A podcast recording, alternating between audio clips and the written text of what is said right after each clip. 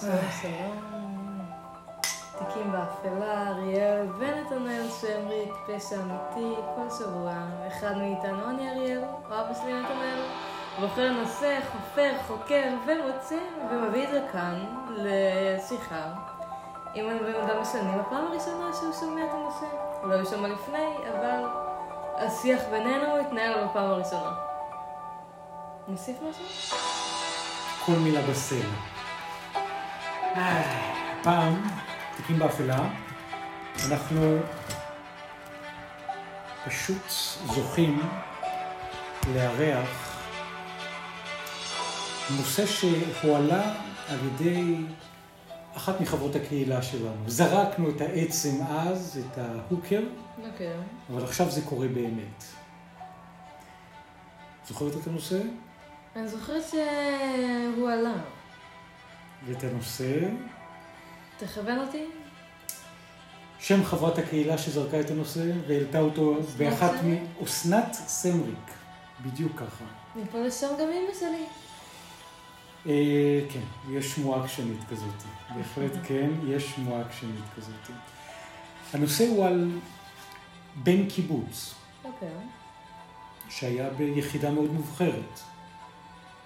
כתבה שיצאה בוואלה, במגזין, אבל אז, כשלכאורה כל העתיד נמצא ופרוס לפניו, לפתע משהו מאוד מאוד משמעותי השתבש. תכף נביא את הכתבה ונביא פרטים ונעלה הגיגים ונעלה מחשבות, כי קיבוצים זה גם נושא שהוא קרוב מאוד לליבנו, אבל לפני הכל אריאל, איפה אנשים יכולים לזכות ולהעלות עוד רעיונות ועוד הצעות בקהילת תיקים באפלה, או כפי שהיא מכונה אצלנו, תיקים באפלה. קודם כל אתם יכולים אה, להקשיב לנו ברשתות ההשמעה, באפל פודקאסט, גוגל פודקאסט, ספוטיפיי ו-RSS. שם גם אפשר להגיב ולדרג בחלק מהאתרים. אתם יכולים בר- ברשתות החברתיות. שם אה, יותר נוח גם להציע לנו רעיונות, כי אנחנו רואים הכל. ומגיבים אה, ומגיבים. זאת אומרת, אנחנו מאוד רוצים דווקא במובן הזה שאנשים ירגישו שיש אה, אינטראקציה מלאה איתם, והם חלק מתוך תהליך העלאת רעיונות. גם זה מאוד מרים כשמגיבים. נכון? מאוד. אז אתם מוזמנים בכלל להגיב, לדרג וכולי. אז איפה אפשר בדיוק לעשות את זה? יש לנו את קבוצת הפייסבוק שלנו, שם עולים אה, כישורים, עדכונים ופרטים ותוכן ותמונות לגבי הפרקים שעולים. אה, יש את אה, עמוד האינסטגרם שלנו, שם עולים אה, בעיקר תמונות, עדכונים ופרטים לגבי הפרקים, ובשניהם אתם יכולים להגיב לנו, לדבר איתנו, להעלות נושאים שמעניינים אתכם. הפעם במסגרת התוכנית הזאת, כבקשתכם, דני מייסון. דני מייסון, לוחם השייטת, שהפך לרוצח מאוד מסוכן. ממקום של אה, להגן כביכול על המדינה, לרוצח. בארצות הברית. היה בן 35, עמד לסיים את לימודי הרפואה, לא פחות, בחור מבריק. שוב, להציל חיים גם, גם כאילו מנקודה אחרת. ואז הוא נכלא אוקיי. בגין רצח וגם ניסיון רצח בשנת 2001. זאת כתבה טריה מ-2022 שהעלתה אסנת סמריק, הניחה אותה בשיחה, אנחנו תחקרנו וצללנו. עכשיו, מייסון עלה לארץ והוא שב למולדתו אחרי השירות הצבאי, הוא עכשיו מרצה שני מאסרי עולם. אוקיי. אבל ההורים המאמצים מהקיבוץ מגייסים עכשיו כספים כדי להעביר אותו לכלא בישראל. יש לו קורבן ששרד. אבל איך הרציחות התנהלו? איך מה? איך הרציחות קרו? מה בדיוק? הם התנהלו בקור רוח מקפיא, הוא קילר. איך הוא הרע? הוא ג'פרי דאמר? הוא כמו הפרק עם... אה, על הרופאים שהרגו את המטופלים שלהם לפני כמה חודשים שהעלינו. איך? דני מייסון הוא רוצח יצירתי, הוא עשה את זה his own way. קיבוצניק, בוגר שייטת 13. שייטת 13 זו אחת מיחידות העילית בצה"ל, יחידה שבה מתחנכים וגדלים כדי להגיע מתחת למים, לבצע מבצעים סודיים אי שם, כמו סיירת מטכ"ל, רק מתחת למים. ומעל המים ולומדים להרוג. אוקיי. אויבי מדינת ישראל. עכשיו, הוא דמות מאוד חריגה, זה כלא מאוד מאוד קשוח בארצות הברית שנקרא סוזה ברנובסקי. זה שם הכלא שנמצא בארצות הברית. כן. כלא אמריקאי קשוח. ליד העיירה עם השם הפיוטי שירלי במסצ'וסטס. מתקן כליאה סופרמקס, במילים אחרות, הבטחה מקסימלית. אתה לא רוצה לנסות לברוח משם, כי אתה נמצא שם תחת אני בטוחה התנאים, שכאילו שכן רוצים, אבל... העונש חריף. נכון.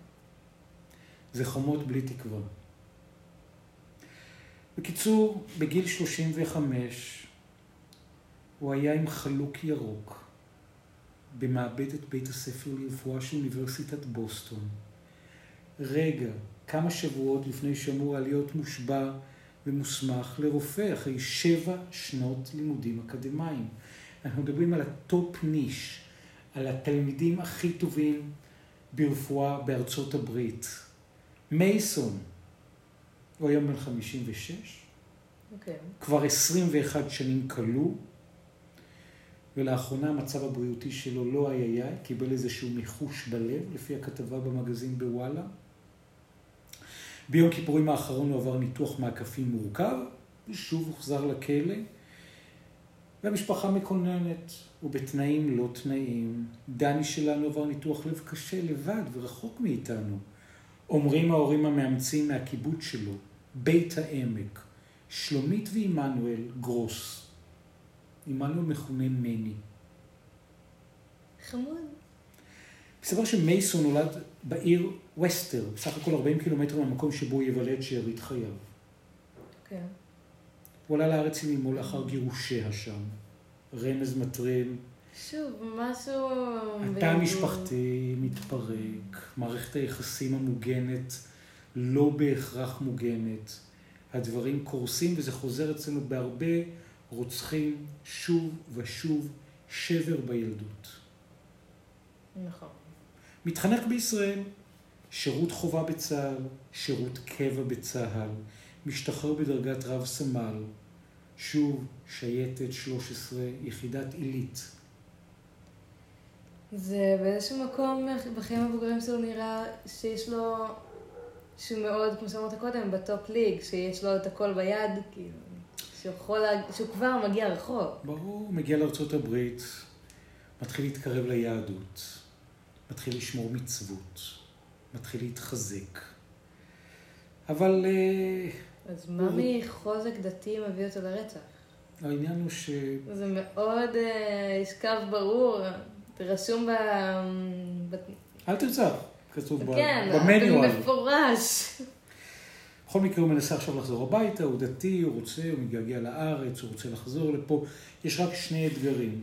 הרשויות בארצות הברית וגם מדינת ישראל לא ממש מתעניינות או רוצות שהוא יוסגר. זו תמונה שלו. שוב הכתבה שממנה התמונה נלקחת עלה בקבוצת הפייסבוק שלנו. עובד את האדמה, עוסק בחקלאות, יפה תואר, שרירים מסורגים, משקפי שמש רייבן, בחור שנראה סוף הדרך. דני מייסון.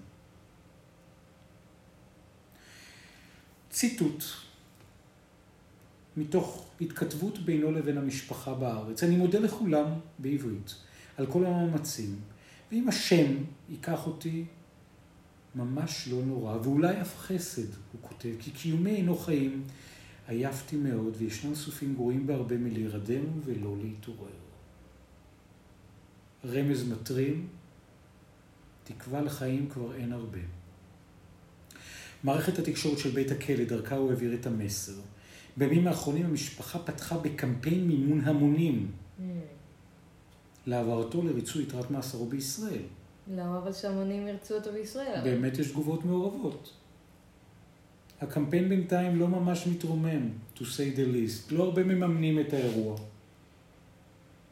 דניאל דני מייסון מרצה עונש של שני מאסרי עולם. אחד מהם ללא אפשרות של שחרור מוקדם. לאחר שחבר המושבעים הרשיע אותו ברצח מדרגה ראשונה, בניסיון רצח ובעוד שלל עבירות. האירוע הזה קרה בשנת 2001, אנחנו מדברים על 21 שנים אחורה ממועד הקלטת פודקאסט זה. נכון. העניין הוא שזה היה נראה כמו סרט פעולה של יחידות מיוחדות. מוזיקה של סרט פעולה, בבקשה אריאל. נוסיף בעריכה אולי. קצת לפני השעה חמש ושלושים בבוקר, איש לא רואה, לא שומע, דממה מוחלטת, כפי ששייטת 13 רגילה לפעול. מייסון חבוש בכובע צמר שחור, לבוש במעיל גשם כהה, עם שני אקדחים, לא אחד.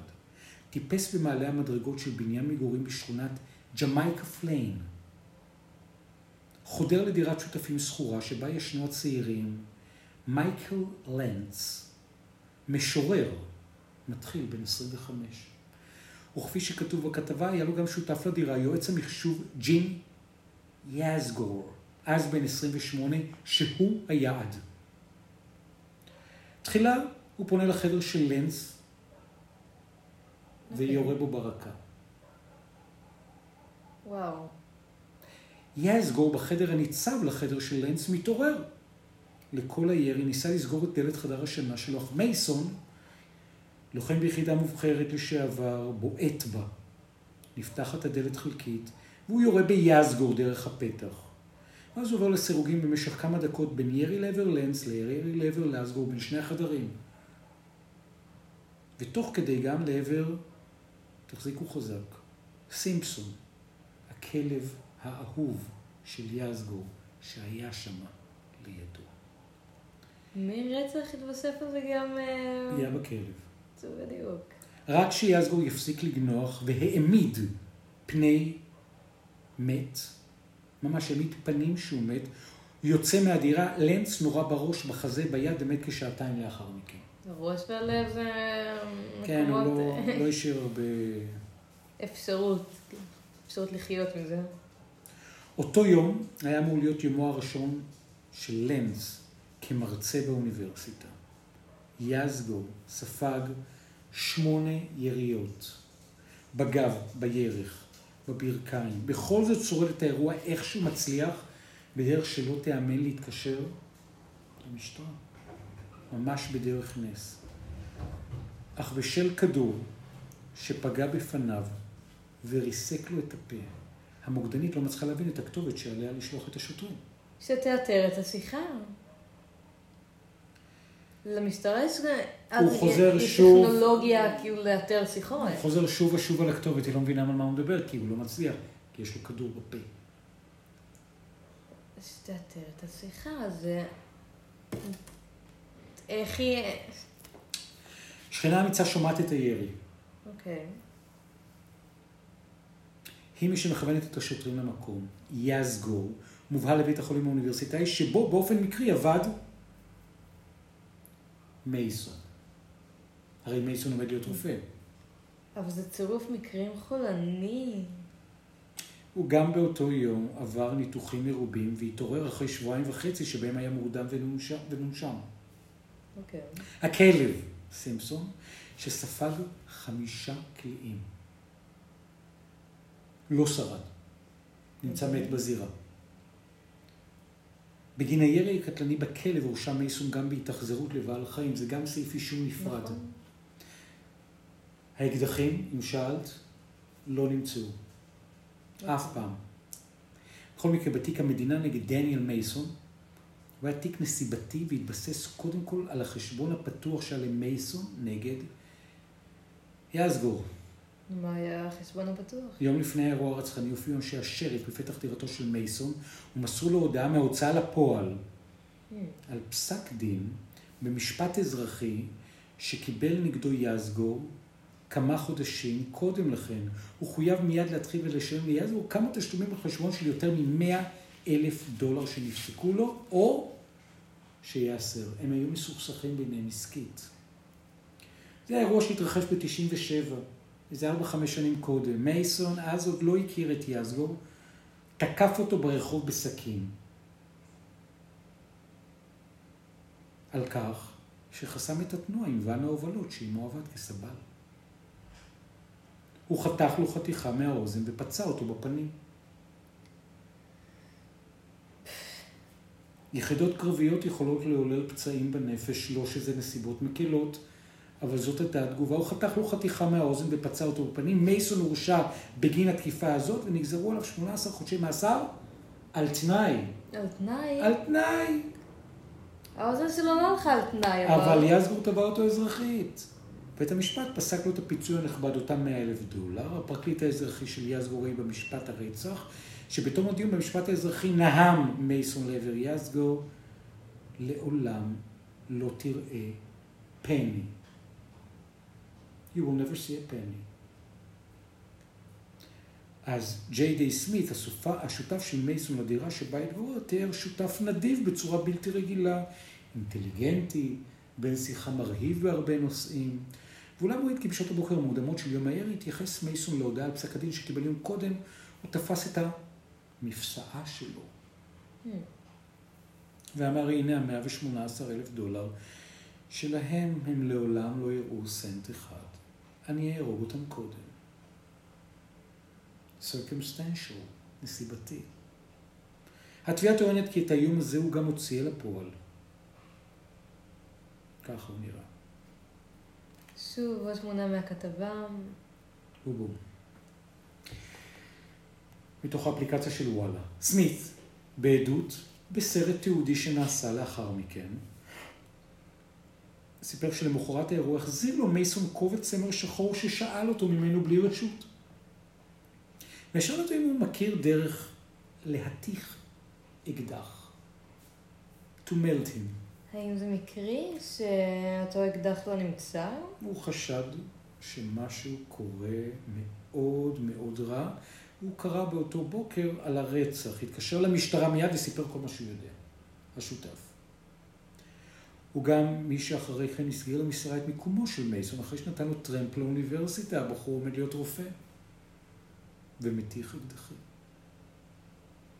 המשטרה עוצרת אותו שם, okay. אוקיי. במעבדת בית הספר לרפואה. באופן מקרי לחלוטין, כמה קומות מתחת, בתחת אבטחה משטרתית כבדה. מי נמצא? מי? הקורבן שנאבק באותה שעה, הרופאים חשדו שהרוצח יאתר אותו ויגיע להשלים את המלאכה. מר יזגור. Mm-hmm. יזגור העיד במשפט כי היורה היה גבר נמוך וחזק, התואם את מבנה גופו של מייסון. אך הוא לא ראה את פניו. אחר כך הוא מסר שבסביבות זמן הירי, ראה גבר בגובה של כמטר וחצי לבוש מעיל גשם שחור ארוך וחובש כובע כהה, שנשא תיק והלך ברחוב ליד הבניין של קורבנות. אותו עד אישר בעדותו כי כובע, מעיל ושני תיקים שנתפסו בדירה של מייסון דומים לביגוד שלבש האיש שראה אותו יום קודם לכן ולתיק שנשא. פחות משעה לאחר הירי היה מייסון מעורב בתאונה כשפגע במכונית שלפניו הוא סירב למסור לנהג השני את שמו, סירב למסור את רישיון הנהיגה שלו וניסה לשלם עבור הנזק במזומן. באמא שלך תעזוב אותי. להעלים, להעלים, להעלים. נוסע הרכב שבו פגע הבחין בשני תיקים ברכבו של מייסון. אוקיי. Okay. מייסון הגיע לעבודה באותו יום עם שני תיקים. התנהגותו הייתה חריגה כשהוא התקלח בעבודה. יומיים לאחר הירי ביקש מייסון משותפו לדירה לומר כי מייסון לא יצא מהדירה בליל הירי וכי מעולם לא ראה בדירה נשק או אמצעי לחימה. כלי הרצח לא נמצאו. החטביע הציגה ראיות לכך שלדודו של מייסון היו שני אקדחים. תואמים לכדורים ולתרמילים של כדורים שהתגלו בזירה, וייתכן שהוא אחסן אותם בדירתו של מייסון. אחר כך התברר שיום לאחר הרצח טס מייסון לבית דודו. והכל מתחבר בדיוק. אם אתם שואלים את עצמכם איך נראה סוזה ברנובסקי, כלא, הנה תמונה, מתוך האתר הרשמי של אגף בתי הסוהר של מסצ'וסטס. שוב, כל התמונות נמצאות בכתבה עצמה. נראה קצת כמו אולם ספורט. קצת. קצת. אבל הדגש הוא למילה קצת. החיים שלנו השתנו לנצח, כתבו הוריו של מייקל לנץ, רוב וקטי בהודעתם לבית המשפט. אנחנו חושבים על כל מה שהוא השיג בחייו הקצרים, אנחנו רק יכולים לדמיין מה צפן לו העתיד. בהתייחסו לגזר הדין בתקשורת, הם אמרו, שאין להם, כך, אין להם ספק שמייסון רצח את בנם. המניע של מייסון, פעולותיו המוזרות סביב זמן הפשע וההיסטוריה של האלימות שלו שכנעו את רובי קטי לנץ באשמתו. עם זאת ציינו כי ראיות לטבעו האלים לא הותרו במשפט. זה היה מתסכל. שמענו כל מיני דברים שחבר'ה המושפעים לא יכול היה לשמוע, הם שמעו אותם בערוצים האחוריים. הם שמעו על ההסתבכות המוקדמת של מייסון בבוסטון, עם המעצר שלו ב-88, בית שלמד היסטוריה בדרמות סקול, קולג' עם שובו מישראל. הוא התקוטט על שימוש במשקולות במכון כושר, אבל הוא לא הורשע על זה. היו כל מיני סימנים מעידים, אבל הוא נשלח לבדיקה פסיכולוגית. ומה יהיה? מה אמרו עליו? לא מספיק הוא התמיד, איך ננסח את זה בעדינות, בתהליך ובטיפול. ב-93, כשהוא סיים את הלימודים בניו-המפשר, הוא נעצר שפרץ לבית חברה שלו דאז, ואיים לרצוח אותה. ב-94, נכון. שנה אחר כך הוא החל ללמוד לימודי רפואה. אומן להרוג, זה שם סרט הדוקו על הפרשה. מספר עורך הדין של יזגור כי בהמתנה לפגישה עם קצין המבחן שלו בחודשים לאחר שנעצר, תקף מייסון רק משום שהתעצבן שמישהו ענה לו, תתעסק בעניינים שלך. כשהעיר לו שהוא הקים רעש, בלי טענתו. אוקיי. מייסון זינק עליו, פצע אותו בעין עם צרור מפתחות שהיה בידו, הוא שנה לו תלונה ולא נפתח תיק בגין אירוע הזה. כמה סימנים מעידים היו שם, כמה תקיפות, כמה בקשות לא מודעות לעזרה. היינו מכרים בשייטת 13. הם אמרו שהוא היה חמום מוח, שפעם הוא כמעט הורג נהג משאית.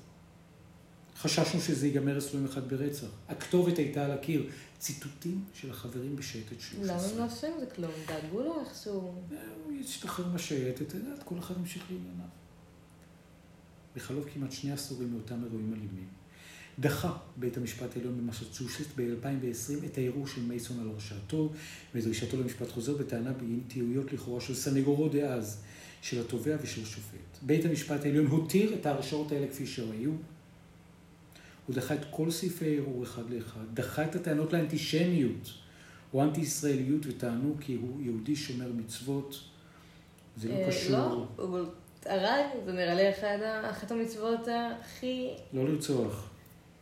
הכי פשוטות, הכי מוכרות. מה כתוב בדף מימון המונים? נער מקסים, לוחם רופא חשוד ברצח. המילים האלה לא מתחברות לי. לפני כמה ימים פתחו ההורים המאמצים מהקיבוץ בליווי יועץ יחסי ציבור. כאילו זה עתה נעצר לראשונה, כשדני, בשם החיבה שלו, דניאל מייסון, היה בן 13, פתחנו את ביתנו בקיבוץ בצפון. את ליבנו, הכנסנו אותו לתוך חיינו. הנער שנולד בארצות הברית התאהב במולדת החדשה, ספג ערכים, מסתבר שלא את כל הערכים. נכון. הפך לאח בוגר לילדים הביולוגיים, סיים את הלימודים, בחר להתגייס לשירות משמעותי, שייטת 13, בתום חמש שנות שירות מפרכות כלוחם, כשכל העתיד שלו לפניו יצא ללימודי בוסטון, ללימודי רפואה בבוסטון. שלומית גרוס אומרת, הואשם ברצח על סמך ראיות נסיבתיות בלבד ונגזר עליו מאסר עולם. 23 שנים חלפו מאז, היא כותבת ואומרת בדף מימון ההמונים, לא קל להיות יהודי מאמין בכלא זר. כל יום זה הישרדות. לפעמים צריך ללכת מכות כדי להגן על עצמך, אבל הוא לא אמר נואש. גם לא כשגנבו לו את טיליון מגן דוד. ונפשו התרסקה. האמונה שלו ממוקדת בטיליון? האחות זוהר גרוס כותבת בפייסבוק. מה היא כותבת? עשרות אירועי התעמרות בכלא. שני ניסיונות רצח, אלימות על רקע אנטישמי, הגנה עצמית ששלחה אותו לחודשים ארוכים לצינוק והמון בדידות, מתפללים לשלומו, מחכים לעוד חיים וכולי וכולי וכולי, ליד מי שהוא אוהב ואוהב אותנו ושימשיך לרצות את העונש בארץ. זה מאבק לא קל גם לא זול, אבל אנחנו נחושים להצליח ממבצע דני. נשמח ונודה. המבצע קרוי על שם החיבה שלו. לכל תמיכה כדי להחזיר את דני הביתה או תמונה. שוב, הכתבה תעלה בכל התמונות כרגע. מכתבים ומיילים הם שומרים איתו על קשר. ביקרו אותו בכלא כמה פעמים. עקב מצבנו וגילנו אין לנו אפשרות לנסוע, מייחלים לראות את זיו פניו. לתת לו חיבוק, שלא יישבר, שתישאר לו סיבה לחיות. הניסיונות כשלו, אנחנו מבקשים לעשות את הניסיון כנראה האחרון עבורנו ועבורו להחזיר את דני לישראל, זקוקים למימון, כמה זה עולה? כמה זה עולה? אני חושב... אה, כמה אלפים? עורך דין אמריקאי, גופים משפטיים. כמה מאות אלפים? רבע מיליון שקל. וואו. 250 אלף. אז למה לעזור להם? מתוך חמלה ומידת הרחמים. לאיחוד עם הבן המאומץ. יש חבר ליחידה של דני, שייטת שלוש, הוא עורך דין, עודד סלע. קורא לציבור לתמוך. חלק מהפרסומים על הפרשה הם מגמתיים ומעוותים, הוא אומר. נכון, התקשורת היא לא תמיד מדווחת אמת, אנחנו יודעים. לדבריו, דני הוצג בכתבות כצלב שומן ביחידה לרצוח אנשים. כך זה הוצג בפני חבר המושבעים, בלי להיכנס לפרטים למה מאן ומה עשה. מדובר בשקר גס שנועד למכור עיתונים במקרה הטוב. כמה כסף נאסף? כמה נאסף? במועד פרסום הכתבה, עשרת אלפים שקלים מחמישים תומכים. כמה אחוז מסך הכל? שישה אחוז. כשאתה מציג את זה ככה, חוזרת לי טיפה תקווה והבנה של אנשים. יש לא מעט עמודים כי סיפורו נשמע טרגי, אבל תמהים בצורה כזאת או אחרת על הרציונל. למה להחזיר אותו לכלא בישראלי על חשבון משלם המיסים הישראלי? הוא פושע אמריקאי יהודי רק בגלל ששירת בצה"ל בעבר לפני 25 שנה. מה אומרים במשרד החוץ בישראל? מה הם אומרים? הקונסוליה בבוסטון בקשר עם האסיר כזה שני עשורים וקשובה למצוקותיו. הבקשה מוכרת, ואף זוכה לתמיכה במשרד החוץ ובמשרד המשפטים על בסיס הומניטרי, ואולם נודע שאחד הגורמים המקשה על קידום הבקשה הוא הסתבכויות החוזרות של מייסון במעשי האלימות אף בכלא. שוב, הוא לא עוצר.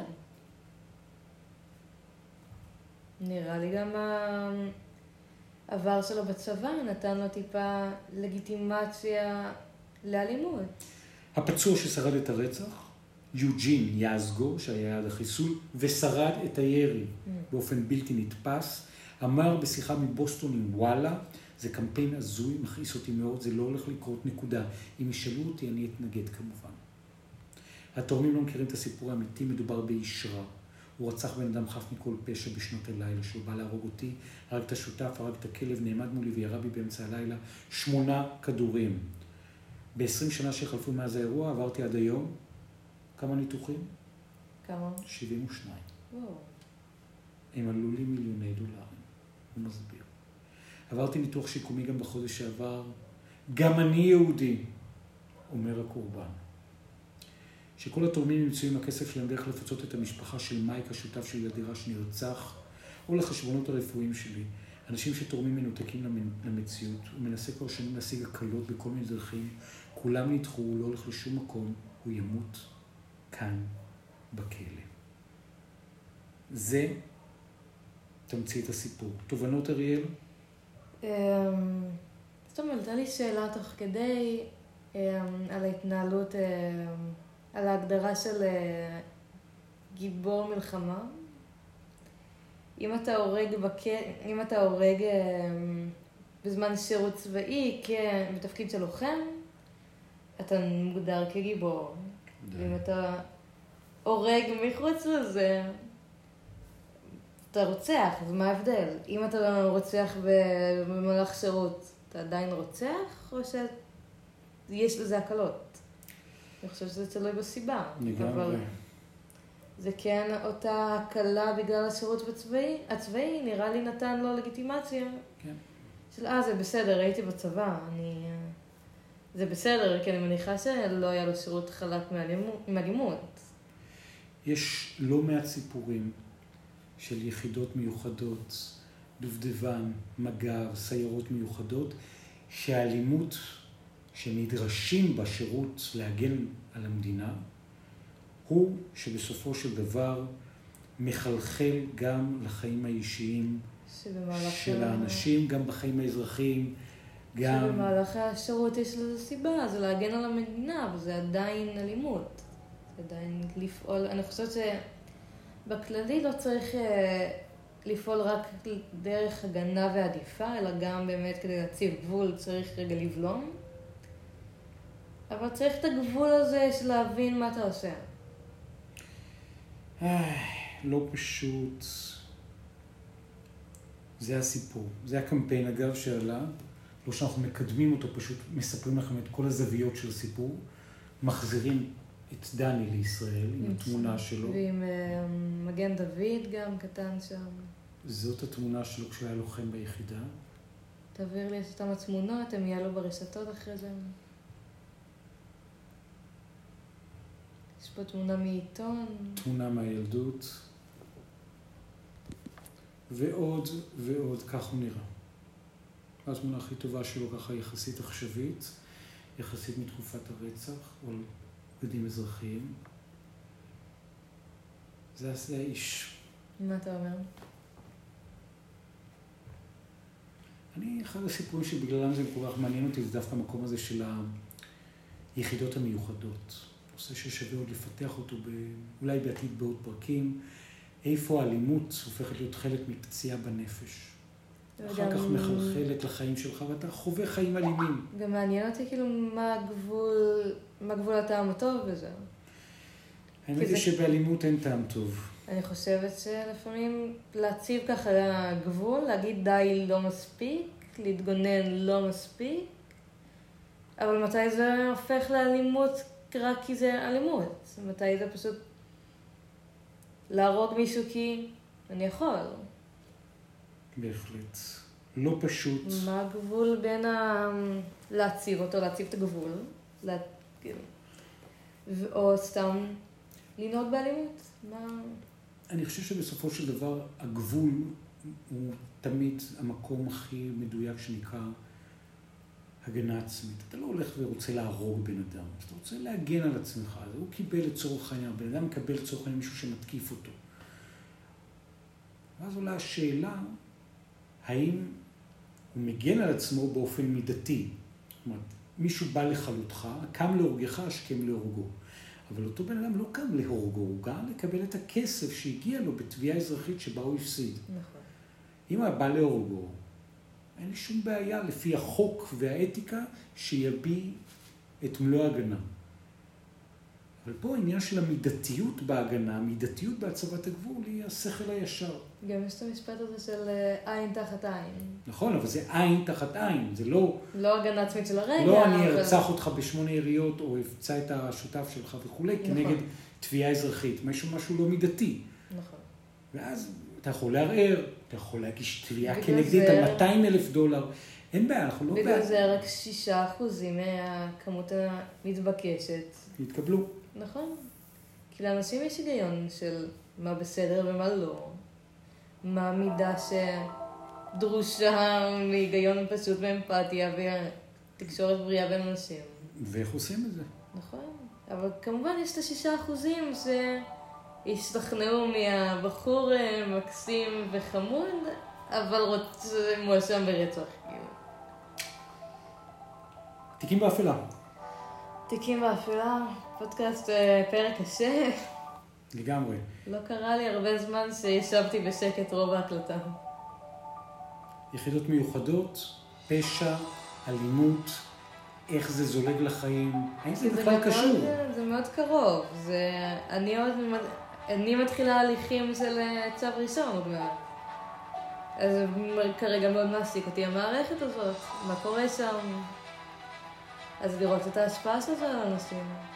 כמובן אפשר לקבל עזרה. בצד הקיצוני. בצד הקיצוני, נכון. כמובן גם בכל מקרה שהוא עדיף לקבל עזרה ויכול להשפיע עליך בדרך כזאת. אבל הוא יצא ממערכת צבאית ורצח. אני לא יודעת אם זה קישור כאילו שעושים עליו אצבע, אבל זה כן היה חלק מאוד גדול בחיים שלו. אם יושב פה מפקד של יחידה מובחרת, הוא היה אומר, מה זה קשור? הוא שבע שנים, אולי זה פצע אחר וכולי. אבל אם פצע לא לא מנקים אותו, הוא יישאר מזוהם ויהיה לך זיהום בעור ו... אמר את זה משיחות עם עשרות בוגרי יחידות מיוחדות וחיילים במצבי לחימה, מצבי פוסט-טראומה שלא תמיד בן אדם כאילו חושב שהוא דולפין והתפלפ, אבל מצבי ביניים.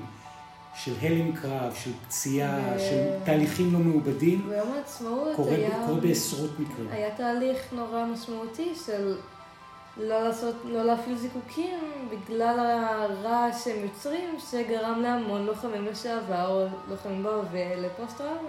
אכן כך. של הצלילים של המלחמה. זה הרגע שאנחנו רוצים אה, להגיד אה, תודה לכם. נכון. מזמינים אתכם להשתתף, לתת לנו את התובנות שלכם, רעיונות לפרקים. זה הרגע שגם נגיד לכם תודה. תודה רבה לך, אריאל סנדק. תודה לכם, נתנאל, ותודה למאזינים שחוזרים כל שבוע, וקהל המנויים להסכתים שלנו. מוזמנים להוריד, לדרג, לעקוב. הקהל מתרחב. איזה כיף. תודה רבה לכם, לנו מרתק לא פחות. תיקים באפלה.